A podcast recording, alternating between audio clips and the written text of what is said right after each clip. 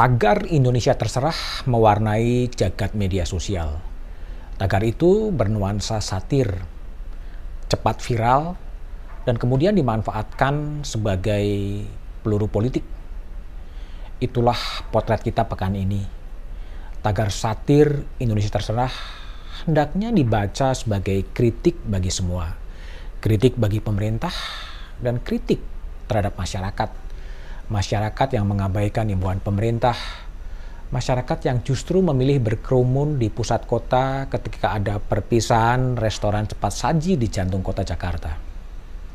Sejak Presiden Joko Widodo mengumumkan dua warga negara Indonesia positif corona pada 2 Maret 2008, 2020, bangsa ini diombang-ambingkan ketidakpastian.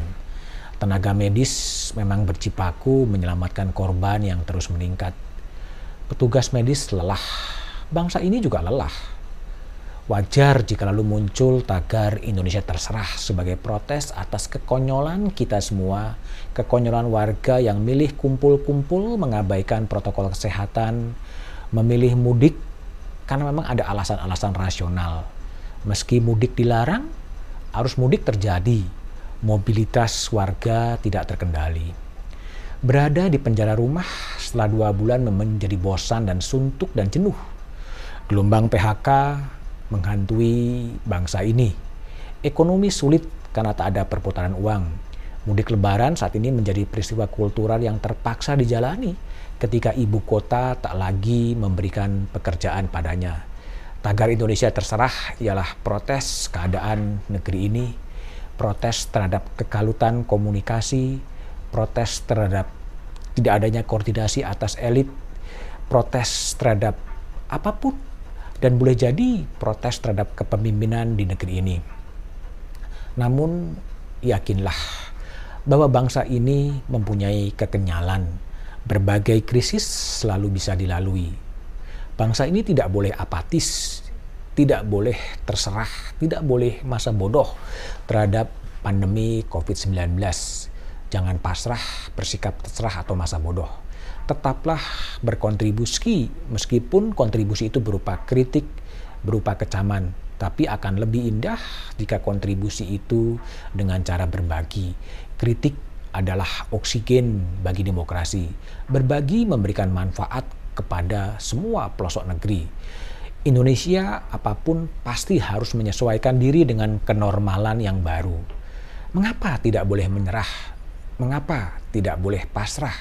Kalau kita lihat pada data gugus tugas percepatan penanganan COVID, optimisme harus muncul. Jumlah relawan yang mau bekerja bertaruh nyawa begitu tinggi. Ada 30.121 relawan yang berjuang. Ada relawan medis, ada relawan non-medis. Namun situasi kedaruratan harus diantisipasi. Seorang sosiolog Imam Prasojo mengirimkan pesan kepada saya Pesannya ditulis dalam huruf besar. Imam menulis begini, warning, mari berharap yang terbaik, siapkan yang terburuk. Imam kemudian menulis, menyiapkan pola kehidupan baru dalam new normal tentunya baik-baik saja. Namun jangan sampai melalaikan kita fokus untuk mengatasi memutus mata rantai penularan. Kemungkinan terburuk harus diantisipasi. Sungguh dampaknya sangat buruk dapat terjadi bagi bangsa ini bila kita gagal mengantisipasi. Mobilitas warga yang tak terkendali adalah potensi bahaya besar. Kegagalan bangsa ini memutus mata rantai penularan virus COVID-19 akan membuat derita bangsa ini berkepanjangan. Namun, saya tetap berpegangan setiap ada challenge harus ada respon Bagaimana otoritas pemerintah pusat dan di daerah memaksa agar warganya berdisiplin mengikuti protokol kesehatan? Semuanya harus dilalui. Sekarang arus balik sedang terjadi. Bagaimana aturan ditegakkan, bagaimana penapisan dilakukan. Rakyat perlu berdisiplin. Kita semua perlu berdisiplin untuk mendisiplinkan diri.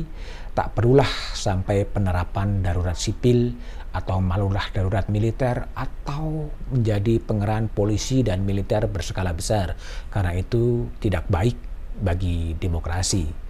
Namun pada sisi lain pemerintah pun harus berbedah.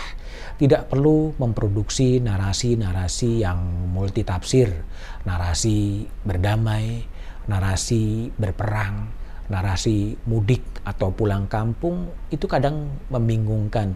Perlu adanya satu kata yang tegas dan lugas agar bangsa ini mempunyai arah yang jelas. Setiap kebijakan yang diambil hendaknya disiapkan terlebih dahulu dengan data tervalidasi dan dipikirkan juga strategi komunikasinya.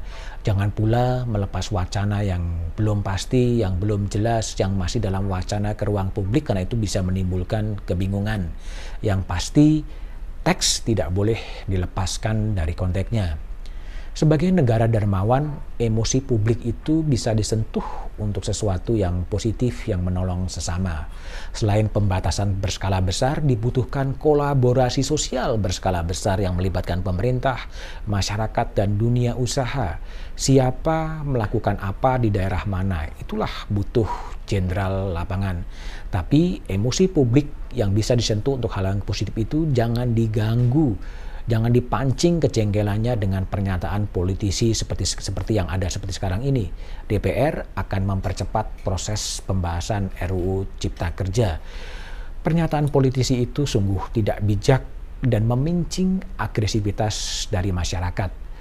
Masyarakat yang sudah dinegasikan dikesampingkan dengan undang-undang pengesahan undang-undang minerba kembali dipancing emosinya dengan percepatan undang-undang cipta kerja itu tidak bijak dan itu bisa mengganggu soliditas bangsa. Jika itu dibiarkan, justru kita khawatir bahwa soliditas bangsa terganggu dengan pernyataan politisi seperti itu. Jangan pernah menyerah dan jangan pernah pasrah karena Indonesia pasti bisa. Demikian opini Budiman, sampai jumpa pada episode berikutnya.